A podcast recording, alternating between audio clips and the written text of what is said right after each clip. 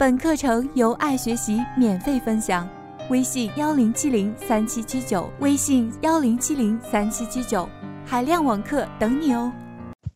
大家好，欢迎来到翻转思维导图，终身学习，成为自己。我是您的高端个人成长教练托尼。通过我们前面的课程学习，我发现大家三件事打卡都践行的不错。那么在今天这一节课程完成之后呢，我们本次训练营的第一个模块落地时间管理的启动，那就要完成了。那在我们前几天的几次分享当中，有一些小伙伴跟我反馈说，托尼老师。我三件事情确实是写出来了，但是每天都有完不成的情况，怎么办呢？完不成呢，很多人就会焦虑，在工作当中忙碌焦虑啊，然后呢，刷圈的时候呢又负罪感满满，你会不会这样呢？那有没有方法让我们高效的完成工作和事情，然后呢愉快的刷圈聊天互侃？如果你想达到这个效果的话呢，我想你今天一定要听一下我们的这个分享，我会给到大家。三个心法让你顺利的完成事情。这三个心法分别是：第一个，吞青蛙帮你搞定难事；第二个，吃番茄帮你搞定琐事；第三个，安心毛帮你快速启动。好，我们先来看第一个，吞青蛙。吞青蛙这个好像非常的形象啊。那么在讲这个方法之前呢，我先问大家一个问题：你们每天写的三件事当中。最困难、最痛苦的那一件事情，你是会优先做呢，还是会放到后面去做？那我想，大部分人的第一反应啊，是每天把那件又难又痛苦的事情放在最后面。但是呢，我个人认为，你应该在一大早的时候就去把这件事情搞定。那这样你在一天差不多到中午的时候呢，啊，你就可以把这件事情做完，然后你一天就会非常的轻松，非常的自在。可是反过来，如果你把简单的事情放在最前面，啊，看起来好像你把那件困难的事情暂时忘记了，可是那件事情它还在啊，它一直的会压在你的心头，你就等于背了一个沉重的包袱在往前走，那还不如一上来就把那件难事搞定它，不要让痛苦的难啃的事情一直占用你头脑的内存。我们都知道啊，我们每天都用手机，当你的手机后台运行的程序太多了之后，会怎么样？会卡嘛，对吧？那机器的性能就会差很多。这个时候呢，你需要去释放内存啊，比如说用一些工具去关掉几个 APP，上来搞定难事。说实话，这个过程真的很痛苦，就好像吞了一只青蛙那样痛苦。但是，但是它很有效。如果你每天早上起来都能够吞掉一只青蛙，那之后就没有什么好害怕的了。这个方法就是让你在早上。集中精力去面对最难的一件事情，千万不要等什么好的状态啊！好的状态是不靠谱的。你先把那个青蛙吞下来，接下来就会顺顺当当。所以呢，啊，明天早上选出你最难的一件事情，优先把它吞掉。我保证你这一天会过得非常的愉快，因为呢，早上你的精力、你的意志力还都是非常充沛的。那如果不这么做，你把这件最难的事情分几次来吞，然后一直弄弄弄弄到大晚上，把青蛙给吐出来了，哇，那这个就会让自己很痛苦了，也会让自己很挫败。比如说我在线上做训练营期间，最难的一件事情是什么？啊，最难最痛苦的就是做课件，然后做呃文字稿等等。那我现在呢，选择把这样的事情，把它当做一个青蛙，一大早起来，除了自己的洗漱啊，完成必须的一些事项之外。我就集中精力去把这只青蛙吞掉。之前呢，我对这样的事情也总是会拖延。记得有一次，也是上时间管理训练营啊，我呢就拖延了这个事情，因为我觉得我好像没有什么特别好的素材更新到我这个课程里面，所以就一直的拖拖拖。最后我记得那一天这个课件的事情，我拖到了凌晨两点多才完成，哇，累得我直接倒下去就睡了。好，那这是第一个心法，遇到难事早上吞青蛙。那第二个心法呢？大家可能比较熟悉了，叫吃番茄。那什么叫吃番茄呢？所谓吃番茄呢，不是真的拿一个番茄吃啊，是一个时间管理的方法，叫做番茄工作法。因为它的发明者呢，使用一个番茄状的计时器，所以呢，番茄工作法也就因此命名了。那么我们在学习时间管理的圈子当中，为了好记，我们通常就说吃番茄。那吃番茄的这种时间管理方法呢，也是在手机流行了之后啊，它慢慢的被普及的更广了。因为很多人都被手机会搞得非常的困扰。你可以看一下，一天当中你大概多久会去把手机锁屏解开？那有人做过调查，平均一个人几分钟就会去把手机锁屏去打开。所以呢，这个手机带给我们生活工作很多方便的治愈，其实也对我们产生了非常大的干扰。那利用番茄钟的这种方法，你就能够去找到一段你专心致志去完成你事情的一段时间。那番茄钟的具体做法是怎么样呢？首先呢，我们要列出我们要做的任务，然后每二十五分钟算一个番茄钟执行任务，二十五分钟之后休息五分钟。休息完了之后，再继续另一个二十五分钟的工作，然后再休息啊，如此循环。但是中间呢，如果说你连续吃了四个番茄，也就是说你连续做了四个二十五分钟的高效时间段，请你安排一次十分钟到三十分钟的长时间休息。这个方法啊，看起来是非常的简单，但是你在实际去执行的时候，你会碰到各种各样的困难。那这个练习我自己已经做了两三年了，刚开始的时候。不要说二十五分钟了，有的时候十五分钟、十分钟我就忍不住了，定力不行啊。但是慢慢的，你练习的时间越来越长之后，你就会感觉二十五分钟就很快就过去了。比如我昨天在整理今天啊跟大家分享的一个文稿，我一咬牙连续就吃了五个番茄。那么我们都是普通人啊，假设我们每天都能够集中精力去吃五个到六个番茄，也就是差不多三小时的高效时间。那这个效率已经是非常非常的惊人了，因为大家可以去观察啊，我们一天当中时间的消耗，你会发现你一天当中大部分的时间都是消耗在一些零零碎碎的事情当中，还有一些小小的焦虑之中。比如说前几天给大家布置了一个作业，让大家去连接群里面的陌生人，然后呢跟他们电话交流。这个时候呢，很多人就开始纠结了。哎呀，我该找谁呢？我找了他之后，我该跟他说什么呢？万一我说的东西他不喜欢怎么办呢？还可能会认为自己的知识面窄啊，然后知道的东西也不多啊，跟大家没什么好交流啊，会不会别人笑话我？等等等等啊，这样的内心戏啊，你会不会有呢？其实解决的办法很简单，借用大家一句熟悉的广告语：Just do it。你直接做，直接看上一个人。直接电话拨过去嘛，你只要做了这一小步动作之后，接下来对你来说就不是问题了。好，那接下来我们看一下番茄工作法，大家要使用的工具是什么？工欲善其事，必先利其器嘛，对吧？我们一定要有一个好的工具。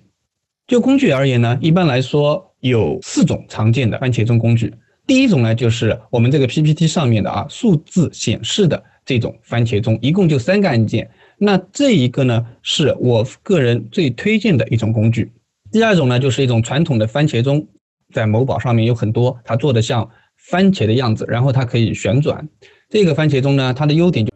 本课程由爱学习免费分享，微信幺零七零三七七九，微信幺零七零三七七九，海量网课等你哦。就是外观比较好看，但是它的缺点呢，会产生一些哒哒哒的噪音。呃，所以我个人呢不是太推荐这种。还有呢一种是沙漏，比如说你可以买一个二十五分钟漏完的沙漏。这个沙漏呢，其实有的讲师他会说这个东西非常可视化啊，但是我觉得这个不太适合成年人用，因为那个漏沙的那个画面，其实你会忍不住去看它。那另外一种呢，用的人就非常多了，就是手机上去下一个番茄钟的 APP。如果你比较喜欢用手机上的工具呢，我推荐一个 APP 叫做番茄时钟。啊，类似的 A P P 也有很多啊，大家只要去搜索就能找到。但是呢，我要给大家提醒一点，我刚才也说了，我最建议的方式呢，是大家去购买那个非常简洁的有数字显示的番茄时钟。手机呢，我并不是太推荐，因为你懂的，你把这个 A P P 装在手机上面，你就面临的一个困难，对吧？手机上面可能微信的声音响了，可能谁发你邮件了，等等等等。所以为了避免干扰。特别是如果你刚开始学习使用番茄钟的小伙伴，你千万不要用手机。OK，我们刚才说了，如果遇到难事就吞青蛙，那么如果遇到烦事杂事呢，你就要赶紧开启番茄钟吃番茄。那么在吃番茄的过程当中呢，这边有几个注意事项，我要跟大家交流一下。第一个就是对于我们成年人来讲，番茄钟不可分割，没有一半或四分之一个番茄，这什么意思？就是你的。二十五分钟的专注时间，它是最小单位了，你不要再把它切开。第二个呢，不够一个番茄的事情就合并，简单的任务可以合起来做啊，比如说收个邮件啊，然后回个电话啊等等，这样简单的事情呢，你把它统一在一起进行批处理啊，放在一个时间段统一去处理掉，提高你的功效。第三个就是不太建议大家连续吃四个以上的番茄，因为呢会耗竭你的精力。比如说我昨天连续吃五个番茄之后，其实是非常的累的，然后呢要花很长的时间，肯定要一个小时才能缓过来。所以你在初期的时候呢，尽量不要超过四个番茄以上的专注时间。第四个，如果你在使用番茄钟的过程当中，你这个番茄钟还没有响，但是呢你这个事情已经做完了，这个时候呢你可以去检查这个事项。或者说，你可以去看一下，哎，你今天写的代办事项哪些还没有完成？去做这两件事情，直到这个番茄钟响铃，然后才正式开始下一个任务。不知道大家还是否记得，我在我们这个训练营开营之初跟大家讲，番茄钟我是把它定位在我们系统当中作为一个工具，而本身我们给大家推荐的那本番茄工作法，它是希望把这个番茄钟啊本身作为一个时间管理的系统来去应用。那我个人认为，番茄工作法还不足以作为一个能 hold 住你日常生活、工作、学习的一个系统。我觉得它最主要的核心，它就是帮助你有了一段完全集中精神的专注时间段。所以呢，我们只是把番茄工作法这一个方法作为我们一个工具。那跟大家讲一个题外话，番茄工作法的作者呢，呃，前段时间他又出了一本新书啊。叫做单核工作法，在这本书里面呢，他打破了这个番茄钟二十五分钟的限制。他在这本新书里面最长的专注时间是一个小时。但是呢，我跟大家这边一定要强调，如果说你在初期，那我指的初期是这个番茄钟你还没有执行到半年、一年的时候，我非常不建议你啊去按照这个单核工作法的做法。我建议你就按照这个番茄时钟，二十五分钟专注加五分钟休息这一个方法去练习。好，接下来呢，跟大家分享今天的第三个心法，叫做安心锚。我问大家一个问题啊，你们有没有碰到这种情况？你很想做一件事情，但是你自己就是启动慢，你就是会拖延。明明知道这件事情必须要做，但是还是会一拖再拖啊。其实我就是这么一个人。呃，我呢是属于一旦做一件事情，我开始之后呢，我会把它做的特别的好。但是对我来说，我去把这件事情启动这个过程非常非常的困难。那说到这个，我跟大家分享一个我真实的经历啊。我之前呢跟我的心理咨询师，就我刚才说的那个问题，我交流过这么一个画面。我感觉我这个人啊，就像乡下小时候大家有没有看见过那种手扶拖拉机？那个拖拉机你要启动是非常困难的，它需要有一个。成年人拿一个像扳手一样的东西，然后用非常非常大的力气去把它转一下才能启动。但是呢，这个拖拉机你把它这样转了一下，启动之后啊，那它就是强劲有力了。我因为自己的这个缺点吧，应该说我错过了很多很多的机会。那我后来就思考，我这个启动过程这么困难，我到底该用什么样的方法去处理它？我后来碰到这样的事情呢，我一般就会安一个锚。锚是什么东西？一般一个船，它开到一个地方啊，它就会把那个锚给扔下去，这样呢，这个船就固定下来了。所以每当我不知道要去开启一件自己很想做的事情啊，这样的时候呢，我就会在这个事情后面写一个人的名字啊，或者写一件事情的名字，这样就等于我把这个锚抛到了这个人身上，抛到了我写下的这件事情的身上。所以每当我不知道。该怎么去做的时候呢？我就找一个人去问，这个人他很可能会给我答案，给我建议，或者说给我一些参考的想法，甚至有的时候我就跟他打电话啊，我们约好一个时间聊一聊这个事情。那这样人找到了，时间也定好了，对不对？那这个事情不管你愿意还是不愿意，你为了遵守承诺，这个事情本来就已经开启了。那这个也是我们时间管理里面常说的设定触发物。大家都有玩过多米诺骨牌吧？大家可以想一想，当第一块多米诺骨牌推倒的时候，接下来会发生什么？那接下来就会发生连锁效应嘛，对吧？所以说，这第一块多米诺骨牌其实就是我们设定的这个触发物。这个触发物就是在你遇到启动不了的事情的时候，你想到的这个人，你想到的关于这件事情的下一步的行动。所以大家如果以后也碰到特别特别困难、启动不了的事情，那么你就约一个人跟他聊一下，定一件事情。比如说训练营开始的时候呢，请大家写下自己参加这次训练营的一个承诺啊，找到自己的目标，承诺去把它完成。这个时候，其实我也是为了让大家去把这个锚抛出来，抛给你的朋友，抛给小伙伴们，帮助你去启动。因为我们人他都有遵守自己承诺的一个倾向。既然做出了承诺，我们就会尽量的去做到，对不对？好的，小结一下今天的内容。今天呢，给大家三个心法，帮你顺利的完成自己每天三件事。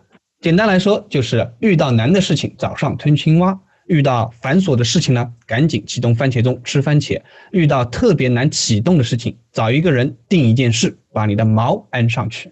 今天的践行作业是，请大家在今天三件事当中选出来一件。用吃番茄钟的这种方法去把这件事情完成，然后记录下过程当中你遇到的困难啊，你收获到的东西，发到群里面跟大家讨论。那我再跟大家强调一遍，吃番茄这一个方法看起来是无比简单，但是一定要去践行。在这个践行的过程当中，你会发现各种各样你没有想到的问题。那这个时候其实才是你真正学习的开始。OK。恭喜你，今天又学会了三招新的技能，翻转思维导图，终身学习，成为自己。我们下期再见。